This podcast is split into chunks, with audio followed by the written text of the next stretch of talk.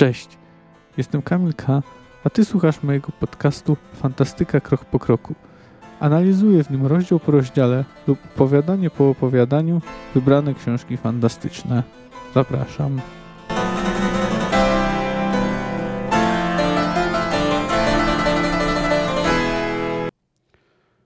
Wiesz, na czym polega Twój problem?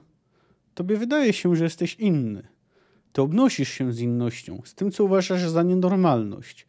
Ty się z nienormalnością nachalnie narzucasz, nie rozumiejąc, że dla większości ludzi, którzy myślą trzeźwo, jesteś najnormalniejszy pod słońcem i oby wszyscy byli tacy normalni.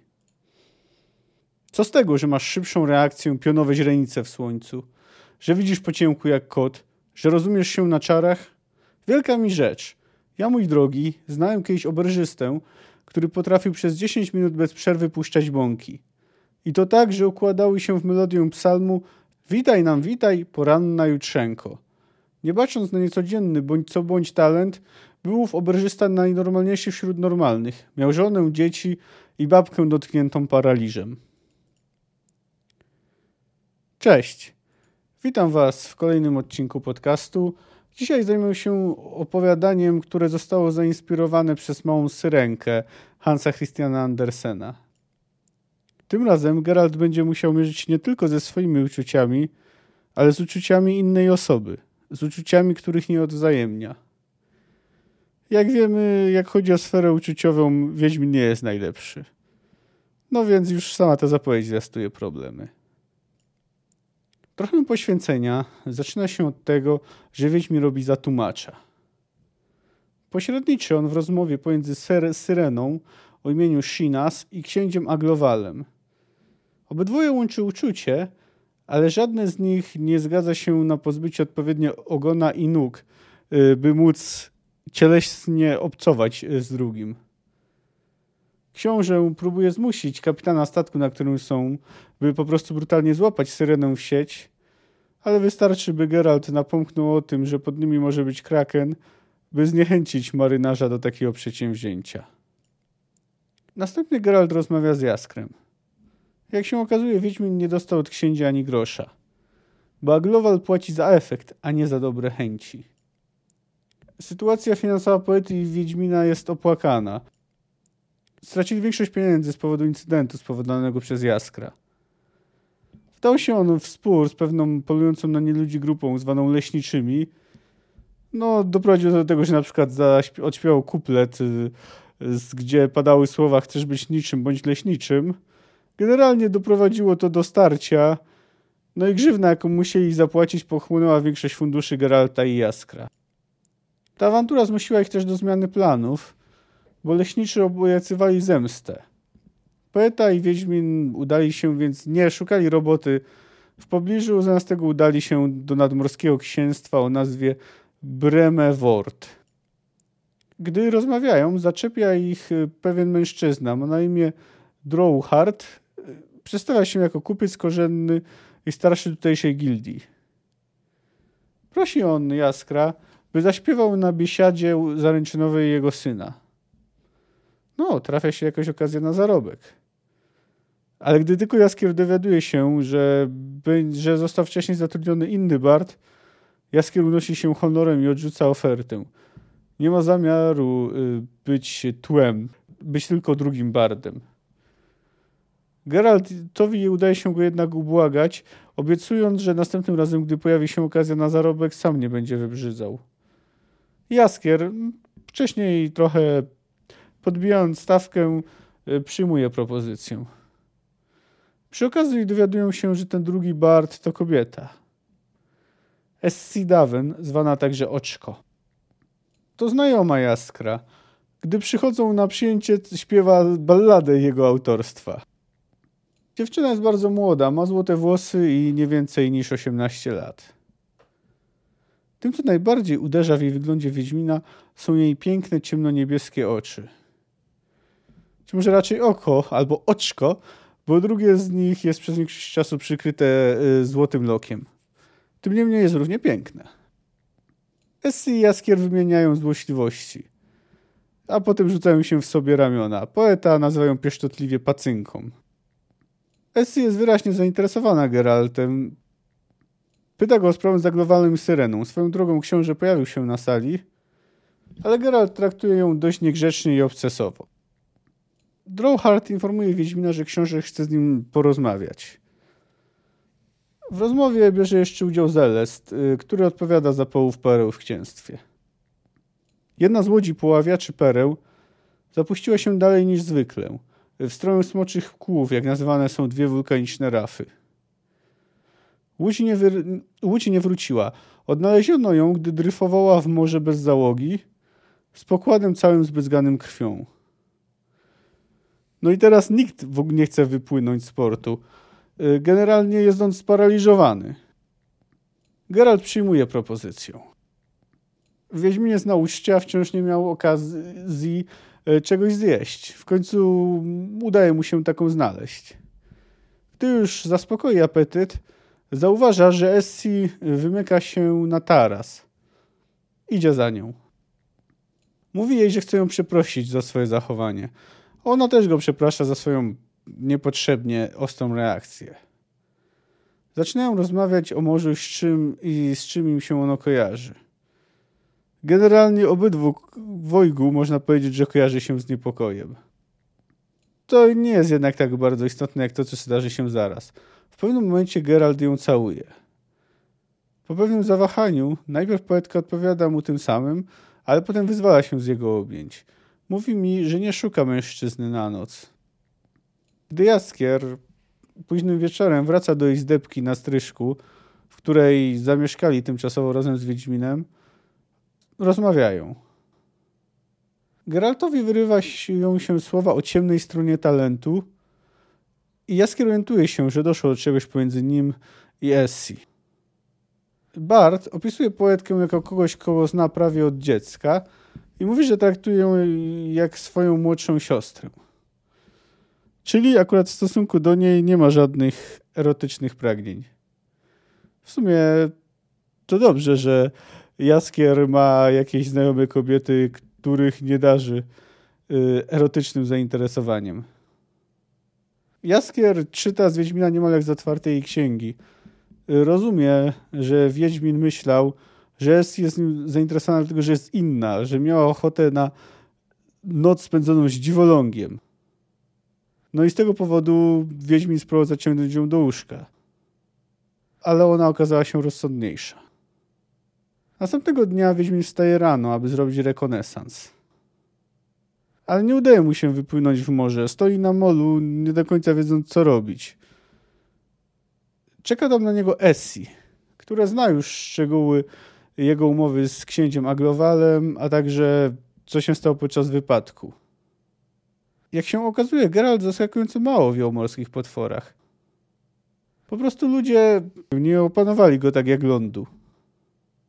Natomiast poetka całkiem dużo wie o morzu. Na przykład potrafi z pełnym przekonaniem wykluczyć, y, że to, co się stało z, tym, z ludźmi z tego statku, y, stoi kałamarnica albo kraken.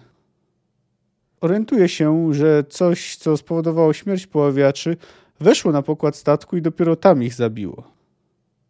Brzegiem nadchodzi w ich kierunku księżę Aglowal. Jak się okazało, przez trzy godziny siedział na skale, czekając aż Shinas się pokaże, ale Syrena tego nie zrobiła.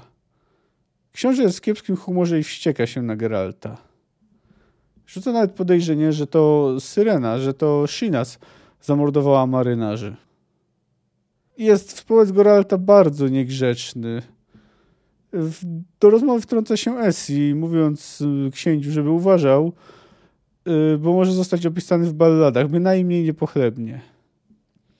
Następnie książ książę powołuje się na to, że marynarze mieli dzieci i żony. Pyta, czy Geralt ma zamiar bezczynnie patrzeć na kolejne śmierci i czy może na ten temat można by napisać balladę.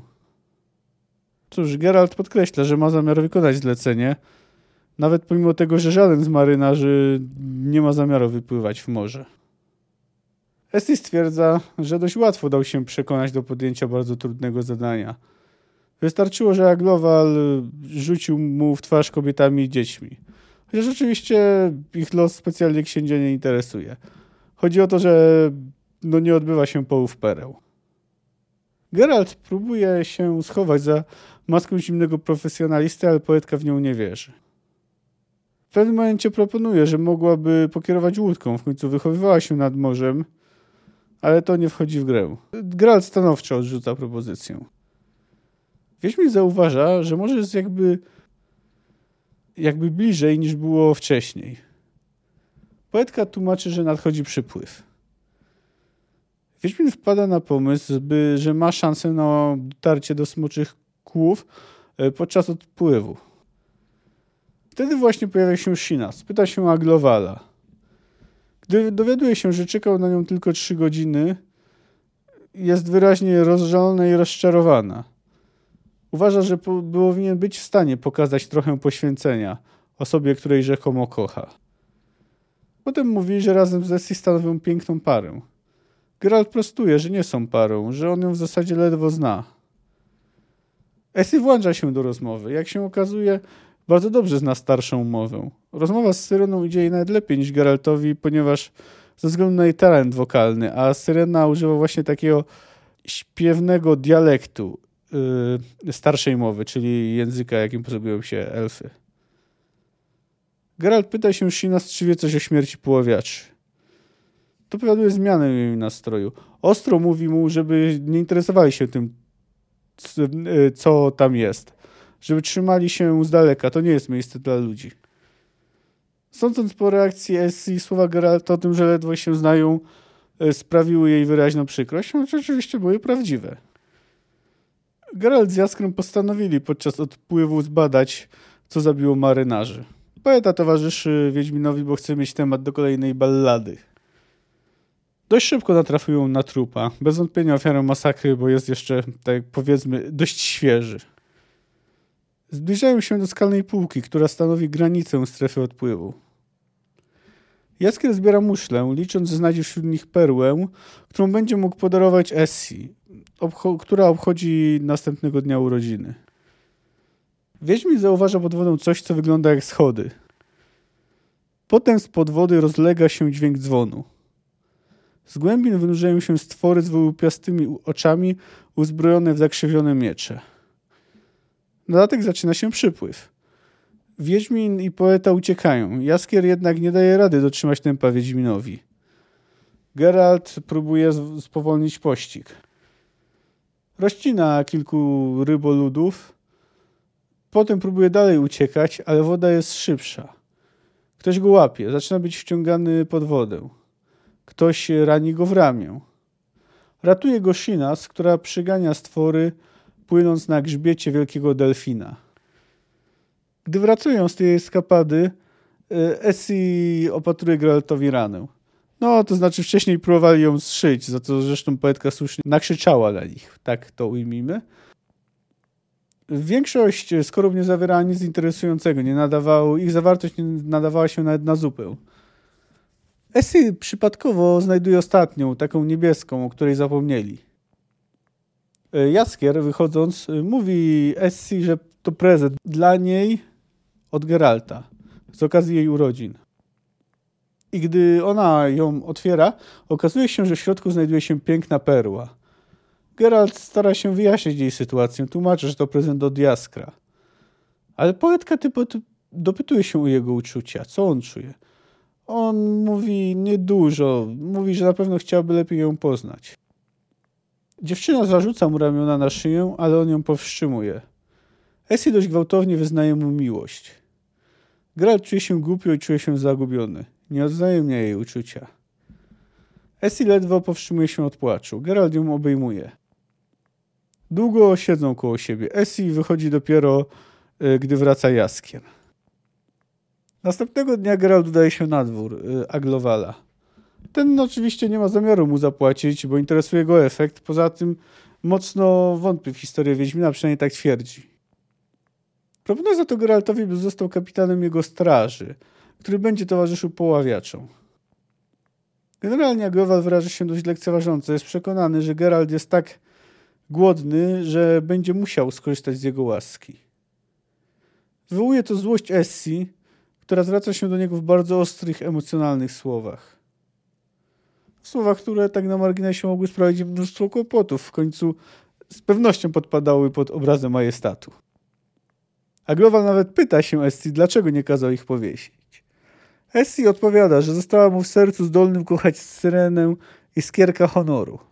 Na odchodnym radzi mu, by trzymał się z daleka od y, smoczych kłów.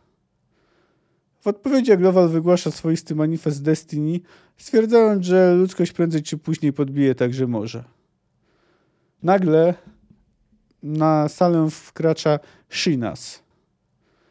Jak się okazuje, zdecydowała się na trochę poświęcenia i teraz ma nogi. Co ciekawe, posługuje się także ludzkim językiem, wspólną mową. No, czyli nie tylko ludzkim, no ale tu w tym kontekście chodzi o to, że posługują się nim ludzie. Wyjeżdżając z księstwa we trójkę, atmosfera pomiędzy Esy i Wiedźminem wciąż jest napięta. Jaskier mówi im, żeby się ze sobą przespali, a potem wszystko będzie dobrze. Faktycznie jest. Opowiadanie kończy się na tym, że po pożegnalnej wieczerzy Jaskier, gdy Wiedźmin i Esy już śpią, y, układa balladę o Wiedźminie i poetce. Opowiada ona o tym, jak zakochali się w sobie od pierwszego wejrzenia i nic nie mogło ich rozłączyć, nawet śmierć. Jaskier wie, że, mało, że nikt nie uwierzy, albo mało kto nie uwierzy w tą historię, no ale ballady nie są od tego, żeby być prawdziwe. Chodzi o to, żeby wzruszały. Poznajemy też epilog tej historii. Oczko i Biały Wilk już nigdy więcej się nie spotkali. Essie zmarła cztery lata później na ospę, której epidemia panowała wówczas w Wyzimie. Jaskier wyniósł ją z miasta i pochował w lesie razem z dwoma rzeczami. Jej lutnią i niebieską perłą, z którą nigdy się nie rozstawała. Trochę poświęcenie jest to opowiadanie, które zapada w pamięć. Dzieje się tak przede wszystkim ze względu na zakończenie, które uderza swoją prostotą, ale także działa na emocje. To jest ciekawe, no ma formę niemal czysto informacyjną, no ale nie dotyczy jakiejś przypadkowej postaci, ale esy, którą czytelnik zdążył poznać i w moim przypadku na także polubić. Dlatego to zakończenie wywołuje tak mocne reakcje emocjonalne. Zresztą krótkie wyszukiwanie w Google wskazuje, że nie tylko ja tak czuję. No już sam fakt, że to zakończenie tak oddziałuje, musi y, świadczy o tym, że mamy do czynienia z dziełem dobrym. Ale nie jest to perfekcyjnie i mam do niego zastrzeżenia, a na pewno jedno istotne. Nie podoba mi się to, w jaki sposób został przedstawiony, może nie, nie przedstawiony, w jaki sposób został rozwiązany najważniejszy w opowiadaniu problem. No ale jeszcze się wstrzymam z rozwinięciem tego. Najpierw y, chciałem poświęcić kilka słów baśni, która zainspirowała to opowiadanie. Sapkowski powraca do Hansa Christiana Andersena i bierze na warsztat małą syrenkę. To jest kolejna już historia, po na przykład y, Pięknej Bestii, która zainspirowała Sapkowskiego i która jest bardzo szeroko obecna w popkulturze. Powstają kolejne filmy i różne inne dzieła. Zresztą przy okazji przecież ostatniej ekranizacji, która e, chyba jeszcze nie wyszła, doszło do mojej kontrowersji, bo ktoś odważył się obsadzić w roli e, małej syrenki czarnoskórą aktorkę. No tak czy owak, Disney, disneyowska wersja tej historii daleko odeszła od tego, co jest w oryginale. No a jak jest w tym oryginale? No tak w wielkim skrócie. Najmłodsza córka króla morza, czyli właśnie mała syrenka, widzi na, z daleka na statku y, księcia, który świętuje swoje urodziny. Natychmiast się w nim zakochuje. Dochodzi do sztormu i syrenka ratuje księcia. Płynie z nim do świątyni i czeka pod nią, aż pojawią się kobiety, które będą mogły udzielić mu pomocy. Sam książę nie ma pojęcia o tym, że uratowała go syrenka. Wszystko przypisuje kobiety, która zajęła się nim w świątyni. Obcej cudzoziemce. Gdy syrenka wraca do siebie, mm, pyta się swojej babci, czy ludzie mają, czy ludzie mogą żyć wiecznie. Babcia odpowiada jej, że mają nieśmiertelne dusze. Więc o ile ich ludzka egzystencja jest dość krótka, to potem czeka na nich wieczne życie w niebie. W przypadku syren jest inaczej. Wprawdzie na Ziemi żyją one znacznie dłużej, nawet do 300 lat, ale ponieważ nie dysponują duszą, po śmierci zamieniają się w morską pianę. Syrenka, chcąc być z księciem, a także pragnąc y, zdobyć, uzyskać nieśmiertelną duszę, y, przyhandlowuje od morskiej wiedźmy nogi w zamian za swój piękny głos. Ale ten układ jest obwarowany pewnym warunkiem. Uzyska ona duszę, ale tylko gdy książę się z nią ożeni. Natomiast jeśli wyjdzie za kogoś innego, syrenka umrze ze złamanym sercem i zamieni się w morską pianę. Na dodatek, chodząc na swoich nowych nogach, będzie się czuła, jakby stąpała po ostrych nożach. Będzie cierpieć bardzo duży ból. Książę znajduje nogę syrenkę leżącą na wybrzeżu. Lubi ją. Nawet pomimo tego, że jest nie ma, ale nie zakochuje się w niej. Zostaje jedynie jego towarzyszką, przyjaciółką. Szczególnie lubi patrzeć, jak tańczy. Syrenka robi to często, mimo tego, że sprawia jej to wielki ból. W końcu rodzice mówią mu, by wyszedł za księżniczkę z sąsiedniego kraju. Nie chce tego robić, ponieważ on jest zakochany w kobiecie, która pomogła mu w świątyni. Ale potem okazuje się, że ta księżniczka to właśnie tam, to jest właśnie ta, ta kobieta, y, która była akurat, przebywała na terenie świątyni. No więc w takich okolicznościach oczywiście nie ma nic przeciwko Orzenkowi. Syrenka dostaje jeszcze szansę na życie. Jej siostry ofiarowały morskiej wiedźmie swoje włosy w zamian za sztylet, którym y, Syrenka ma właśnie zabić y, księcia i jego nową żonę. Dzięki temu będzie mogła wrócić do bycia Syrenką. Ale ona nie chce tego robić. Rzuca się do morza razem ze sztyletem. Zamienia się w pianę, ale wraz z nastaniem poranka zmienia się w córkę powietrza. W nagrodę za swoje dobre postępowanie, za swój dobry uczynek, to znaczy dobry uczynek, to znaczy za to, że nie zdecydowała się na popełnienie zbrodni, ma szansę na uzyskanie duszy. O ile przez 300 lat będzie spełniać dobre uczynki. No, jak więc widzimy, generalnie, gdyby odrzeć y, tę historię z tego ewidentnie chrześcijańskiego zakończenia, no to jest to raczej historia dość smutna. Zresztą, co ciekawe, Jaskier przytacza w opowiadaniu podobną wersję, no ale, ale w jego wersji Syrenka jest po prostu przemieniona y, w morską pianę. Historia Syrenki Jagrowale, jak to zazwyczaj bywa u Sapkowskiego, nie jest centralnym motywem tego opowiadania, ale też nie można jej uznać za nieistotną. Ma jednak duży wpływ na to, co się dzieje. No i to, że się dobrze kończy, jest w pewien sposób, nie no, jest zdecydowanie optymistyczne. Dość często pojawia się motyw poświęcenia y, w opowiadaniu. Jaskier musi poświęcić swoją dumę, by mogli razem z Geraltem żyć w znośnych warunkach. Geralt musi zrobić to samo, musi znosić to, jak traktuje go Aglowal. Geralt musiałby naprawdę wiele poświęcić, aby nie zranić e, Essie, a i tak nie wiadomo, czy to nie wystarczyło. Shinas musi poświęcić swój ogon, by być z Aglowalem. A czy sam Aglowal coś poświęcił? Trudno powiedzieć. Sądząc z tego, jak jest dumny, Siedzenie przez trzy godziny nad morzem było dla niego wielkim poświęceniem. Nawet jeśli się nas ocenia je jako niewystarczające. Generalnie podoba mi się to opowiadanie. W sumie tak po prostu to większość, może, a w zasadzie wszystkie opowiadania e, Sapkowskiego mi się podobają. Można by się uskarżyć na fakt, że Essie zakochuje się w Geralcie od pierwszego wejrzenia, ale mnie wydaje się to dość wiarygodne. To jest młoda, uczuciowa dziewczyna, która na dodatek y, jakby żyje poezją, co pewnie też w jakiś sposób wpływa na jej y, kształtowanie się emocjonalne.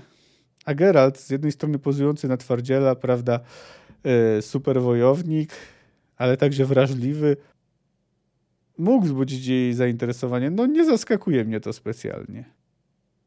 Z innych plusów podoba mi się sposób, w jaki poprowadzony jest romans Shinas i Aglowala. Widać wyraźnie, że dzielą ich ogromne różnice.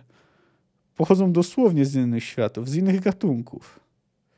A jednak ich historia kończy się dobrze i można mniemać, że przynajmniej Aglowal nie będzie próbował realizować swoich planów podboju podwodnego świata. Sądząc z tego, jak zareagował Nashinas, y, gdy się pojawiła y, z nogami, to byłby w stanie przychylić jej nieba. No ale wspomniałem wcześniej o dość istotnej w mojej opinii rzeczy, która mi się w tym opowiadaniu nie podoba. Pozornie jego kulminacyjnym punktem jest pojawienie się syreny już y, z nogami. Romans człowieka i syreny znalazł szczęśliwe rozwiązanie. Radujmy się. Ale to jednak nie jest koniec. To nie jest najważniejszy moment. Napięcie, jakie od początku y, opowiadania narasta pomiędzy Essie i Geraltem, nie zniknęło. I tu nie chodzi nawet tylko o to, że Wiedźmin nie bardzo radzi sobie z wyrażeniem swoich uczuć, choć to zapewne mu nie pomaga. Essie jest bardzo otwarta, ale przecież jej to nie uszczęśliwia, a raczej wręcz przeciwnie. Geralt jest postawiony w bardzo trudnej sytuacji. Lubi Essie, czuje do niej sympatię, nie chce jej zranić, ale jej nie kocha. Dlatego ta cała sytuacja nie wymaga od niego tylko trochę poświęcenia. Jak sam myśli, wymaga od niego, żeby poświęcił wszystko, a i to mogłoby się okazać być w ostatecznym rozrachunku za mało. No i teraz chciałbym właśnie zmierzyć do tego, jak to całe napięcie zostało rozładowane. Najpierw y, przytoczę cytat, no a potem powiem na y, jego temat kilka słów. Sytuację uratował Jaskier. Niezawodny Jaskier pojawiając się nagle. Jaskier ze swoim niezawodnym taktem. A pewnie, że tak. Wrzasnął i z rozmachem cisnął do wody kijek, którym rozgarniał szuwary i ogromne nadrzeczne pokrzywy. A pewnie, że musicie coś z tym zrobić. Najwyższy czas. Nie mam ochoty przyglądać się dłużej temu, co dzieje się między wami. Czego ty od niego oczekujesz, pacynko? Niemożliwości? A ty, Geralt, na co liczysz? Na to, że oczko czyta twoje myśli tak jak, tak jak tamta? Że się tym zadowoli, a ty wygodnie pomilczysz, nie musząc niczego wyjaśniać, niczego deklarować, niczego odmawiać? Nie musząc się odsłaniać? Ile czasu, ile faktów trzeba wam obojgu, aby zrozumieć? I kiedy chcecie się zrozumieć? Za kilka lat? We wspomnieniach? Przecież jutro mamy się rozstać do diabła. Och, dość mam na bogów obydwojga. Mam potąd, potąd, o! Dobrze, posłuchajcie. Ja teraz wyłamię sobie leszczynę i pójdę na ryby, a wy będziecie mieli chwilę tylko dla siebie. Będziecie mogli wszystko sobie powiedzieć. Powiedzcie sobie wszystko, postarajcie się zrozumieć wzajemnie. To nie jest takie trudne, jak się wam wydaje. A później na bogów zróbcie to. Zrób to z nim, pacynko. Zrób to z nią, Geralt, i bądź dla niej dobry. A wtedy cholera albo wam przejdzie, albo... Jaskier odwrócił się gwałtownie i odszedł, łamiąc y, trzciny i klnąc. No i właśnie. Jaskier rozwiązuje sytuację. No, pierwsza część jego rady jest jak najbardziej rozsądna. Rozmowa i wyrażenie swoich uczuć z pewnością nie powinna im zaszkodzić. Tak na marginesie Jennifer może odczytać jego uczucia, ale i tak chce, by powiedział jej, y, że ją kocha. No, jak wiemy już z okruchu lodu nie jest w stanie tego zrobić. Przynajmniej nie na tym etapie ich związku. No ale to mm, może lekka dygresja. Natomiast nie wiem, w jaki sposób przespanie się z Geraltem miałby pomóc poetce. Przecież on nie poszedłby z nią do łóżka z miłości, y, tylko dlatego, tylko z litości. No, nie mogę znaleźć tutaj dla niego innej motywacji. Naprawdę, to nie jest tak, że y, seks jakoś magicznie uleczy Essie z tej miłości. Zresztą wiem, że tak się nie stało. Byłoby to zresztą bardzo głupie. Zresztą, gdyby tego faktycznie chciała, to mogłaby pójść z nim do łóżka już pierwszego dnia. No ale uczucie Essie jest bardzo silne. Skoro później nigdy nie rozstała się z perłą, którą przypadkiem podarował jej Geralt. No jest młoda, no ma te powiedzmy 18 lat. No więc jest możliwe, że Wiedźmin był jej pierwszą, a kto wie, może i jedyną miłością. No to jest już oczywiście rozważanie, które y, nie ma oparcia w materiale źródłowym, ale wydaje mi się to całkiem prawdopodobne. No, Rada Jaskra wydaje mi się do kitu. No nie wiem w jaki sposób y, takie zbliżenie się fizyczne z Geraltem miałoby pomóc poetce. Nie wiem. Może wy uważacie inaczej. Jeśli ktoś z was to słyszy i jest w stanie mi to wyjaśnić, to bardzo proszę. Ale ja uważam, że to jest bardzo zły zabieg, bardzo złe rozwiązanie tego wątku. Powiedziałbym, to jest kontrowersyjna opinia, że to jest chyba najgorszy y, moment Sapkowskiego y, ze wszystkich, jakie y, czytałem. Przynajmniej do tego momentu. I włączam w to Jaskra naśmiewającego się z tego, że Jennifer zostanie zgwałcona. Jasne, ja wiem, że poznanie późniejszego losu Essie sprawia, że ten fragment może się wydawać mniej istotny, no ale jak dla mnie i tak on mocno psuje odbiór tego opowiadania. Nie sprawia, że staje się ono złe, ale gdyby ta sytuacja została rozwiązana inaczej, byłoby, byłoby lepiej. No ale jak chodzi już o samą Essie, a nie o to, jak y, wątek jej Geralta się zakończył, no to po raz kolejny Sapkowskiemu udało się stworzyć postać tylko na jeden raz, tylko na to opowiadanie, która jest interesująca i dobrze zarysowana. Generalnie Essie jest y, wrażliwa, uczuciowa, jest też miła. Wydaje się też, że jest w miarę atrakcyjna, chociaż wiemy też, że nie przesadnie. Widzimy to w dwóch momentach. Po pierwsze jest wprost napisane, że generalnie jej twarzyczka jest sympatyczna, no ale nie widać nic, nic specjalnego poza tymi jej oczami.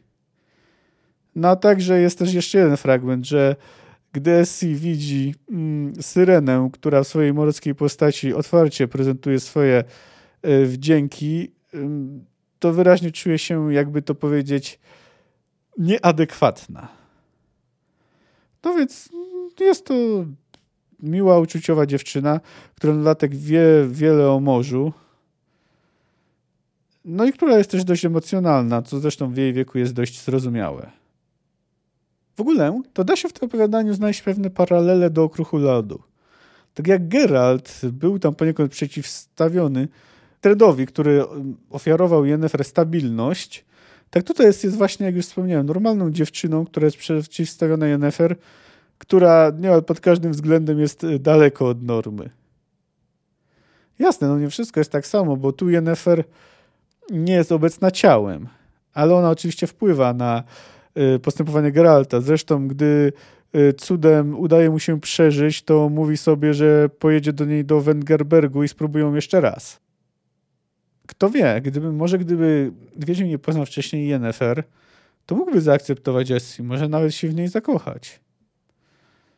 No Essie jest, jak już mówiłem, wrażliwą dziewczyną. Nie jest może wielką pięknością, ale nie jest też brzydka. Generalnie wydaje się być całkiem niezłą kandydatką.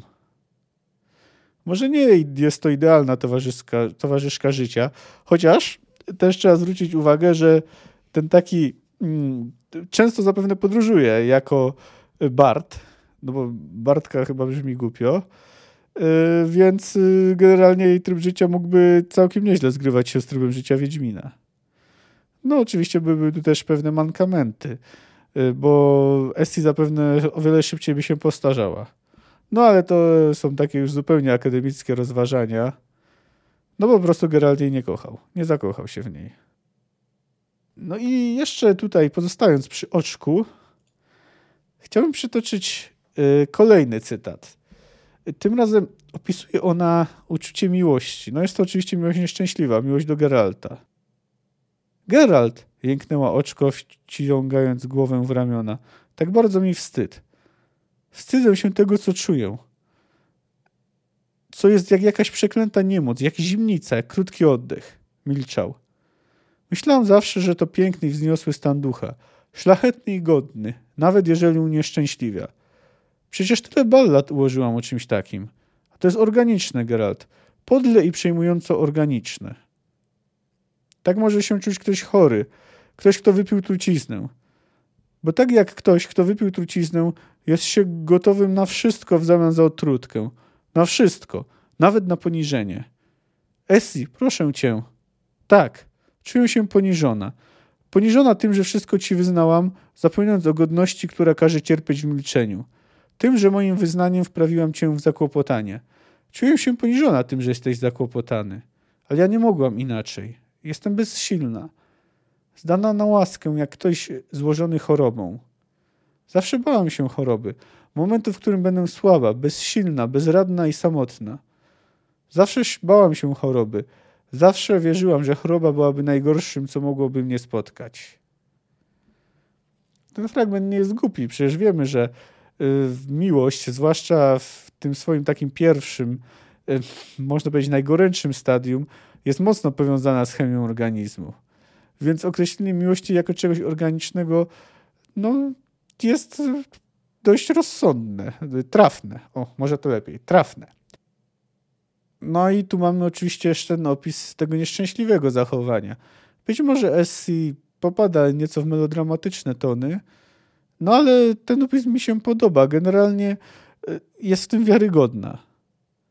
Tak jak Jennifer jest wiarygodna w niekiedy swojej złości czy złośliwości, tak Essie jest wiarygodna w swojej rozpaczy. Generalnie jest to dość tragiczna postać. E, trudno nie czuć wobec niej współczucia. Geralt w tym opowiadaniu cały czas czuje się dziwnie. Został postawiony w nowej, niespodziewanej sobie sytuacji.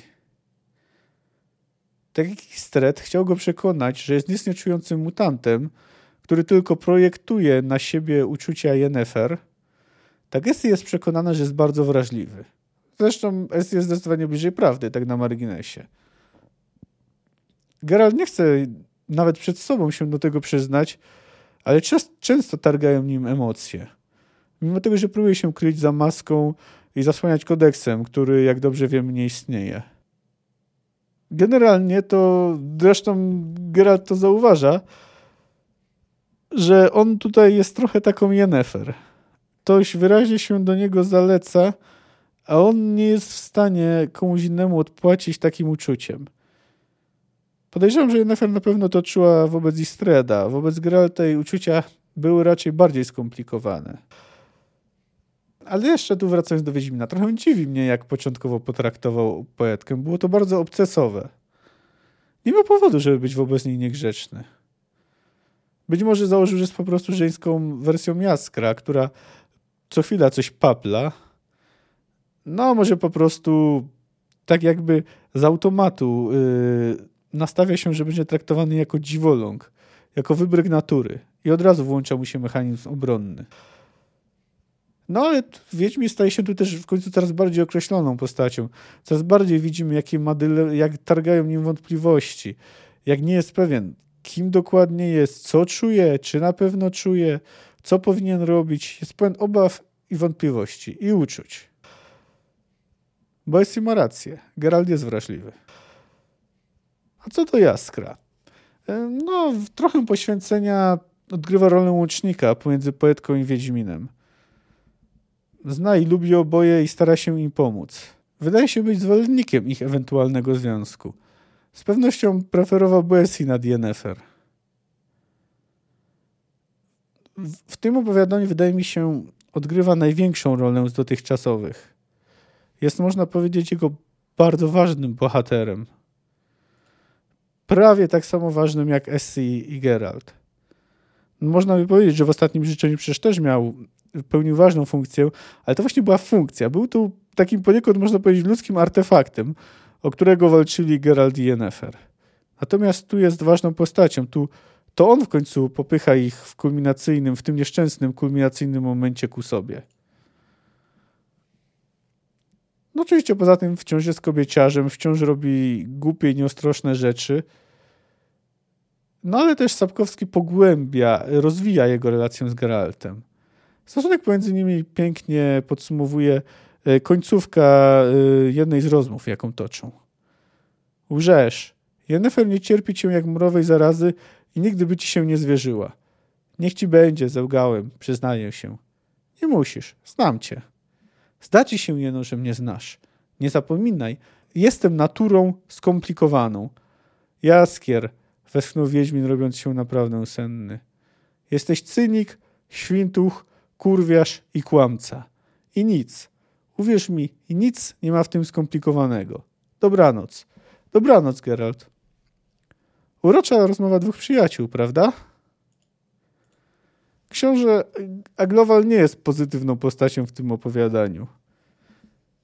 Nie chce zapłacić Geraltowi, wyraźnie próbuje wykorzystać jego trudną sytuację.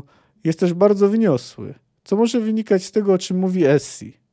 Aglowal de facto sam mianował się księciem, bo Bremewort nikogo specjalnie nie interesowało. To zwykły kawałek skały. Chyba wielu z nas zna sytuację, że ktoś, kto dopiero co awansował na drabinie społecznej, y, wyraża większą nawet niż inni członkowie swojej grupy, do której awansował, y, pogardę dla tych, co są niżej, y, którym mniej się poszczęściło. Oczywiście nie jest to reguła, ale często tak się zdarza i pewnie tak samo jest z Aglowalem. W końcu tak samo zresztą wszyscy znamy stereotypy o nowobogackich i tak dalej. No ale z pozytywnych rzeczy. Wiem, że jest z nim iskierka dobra, bo faktycznie y, nie kazał nic zrobić y, Geraltowi, Jaskrowi, Aniesi. No, przy, nawet pomimo tego, że poetka otwarcie go obrażała. A i, i Geralt często nie, nie okazywał mu szacunku należnego księciu. No a co do tej iskierki dobra czy honoru, no to kto wie. Być może poświęcenie Shina ją rozpaliło. Nie wiemy, co się później da działo z księciem. No dobrze, no tak omówiłem już chyba wszystkie najważniejsze sprawy, ale kilka rzeczy jeszcze wciąż trzeba poruszyć. Bardzo ciekawe jest to, że Syryna posługuje się przekształconą, śpiewną wersją starszej mowy e, języka elfów. I to jest ciekawe, jakie relacje łączyły albo łączą podwodne istoty z elfami. Jakieś mieć musiały, a może mają wspólne korzenie i dlatego mówią podobnie, podobnym językiem. No w zasadzie mówią tym samym, ponieważ Syna tylko posługuje się jakimś dialektem. Dowiadujemy się też o istnieniu całej podwodnej cywilizacji. No ale poza tym, że istnieje, no i musi być, y, przynajmniej musiała osiągnąć jakiś stopień zaawansowania, to niestety nie wiemy y, nic więcej. No wiemy, że jej przedstawiciele mają dwie nogi i posługują się bronią białą. Nie wiem, czy to szkoda, czy dobrze, że nie dowiedzieliśmy się y, niczego więcej. No ale tutaj już ostatni cytat. Wiem, że przytaczam wiele cytatów, ale moim zdaniem one dobrze ilustrują pewne zagadnienia. E, no tutaj mi chodzi o dialog pomiędzy Essie i Aglowalem dotyczący tej właśnie podwodnej cywilizacji. Żegnaj książę, powiedziała Essie, a na pożegnanie przyjmij dobrą radę. Radę, której powinien udzielić ci Wiedźmin, ale nie chcę, by Wiedźmin ci jej udzielał. By, zni by zniżał się do udzielania ci rad. Zrobię to za niego. Słucham. Ocean jest wielki jak Lowell.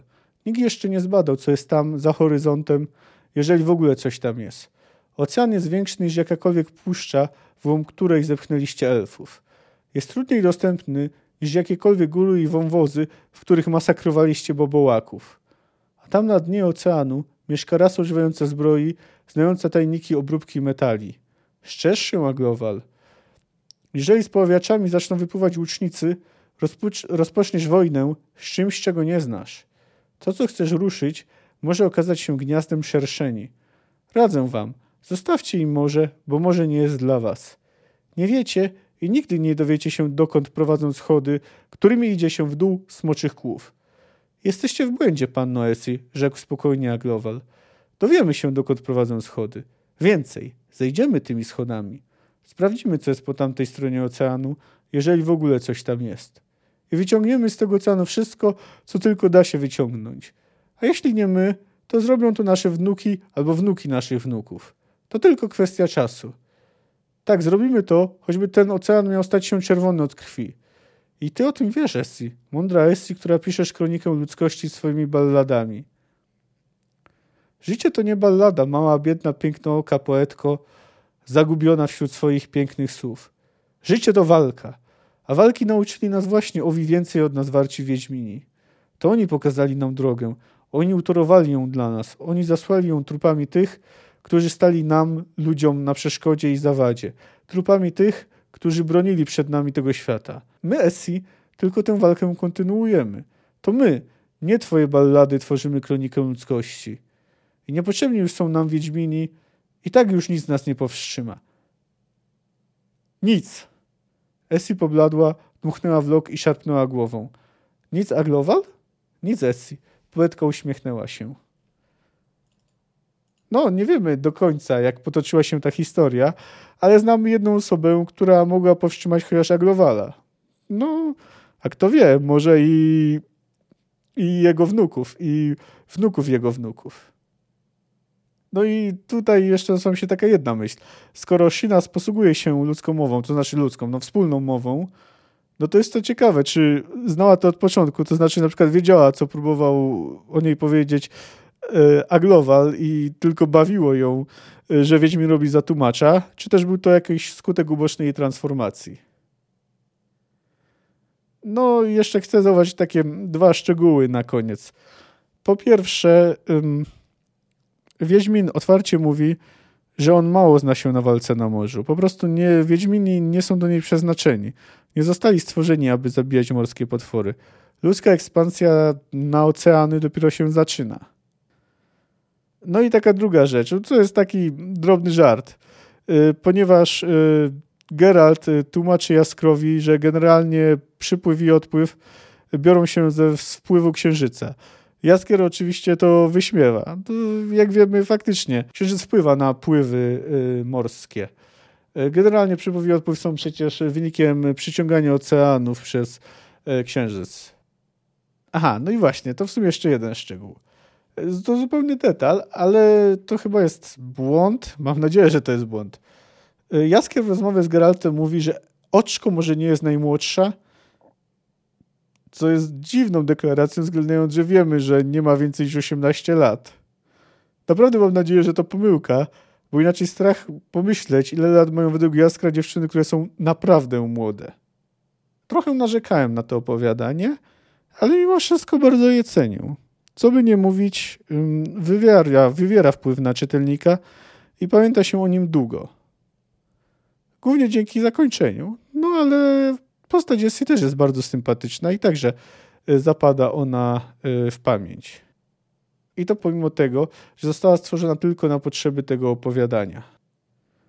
No i już tak, y, przechodząc do końca. Jeśli chcecie się ze mną skontaktować, to możecie napisać, wysłać maila na adres kamil.fantastyka.gmail.com no albo możecie napisać do mnie na Twitterze albo Instagramie. Y, podcast jest dostępny na Spotify, Apple Podcast, y, Stitcherze, Deezerze, SoundCloudzie, y, na YouTubie i w kilku innych miejscach. Ich spis możecie znaleźć na stronie fantastyka pokroku.blubry.net. Za tydzień wreszcie spotkamy Ciri, a także poznamy Driady. Cześć!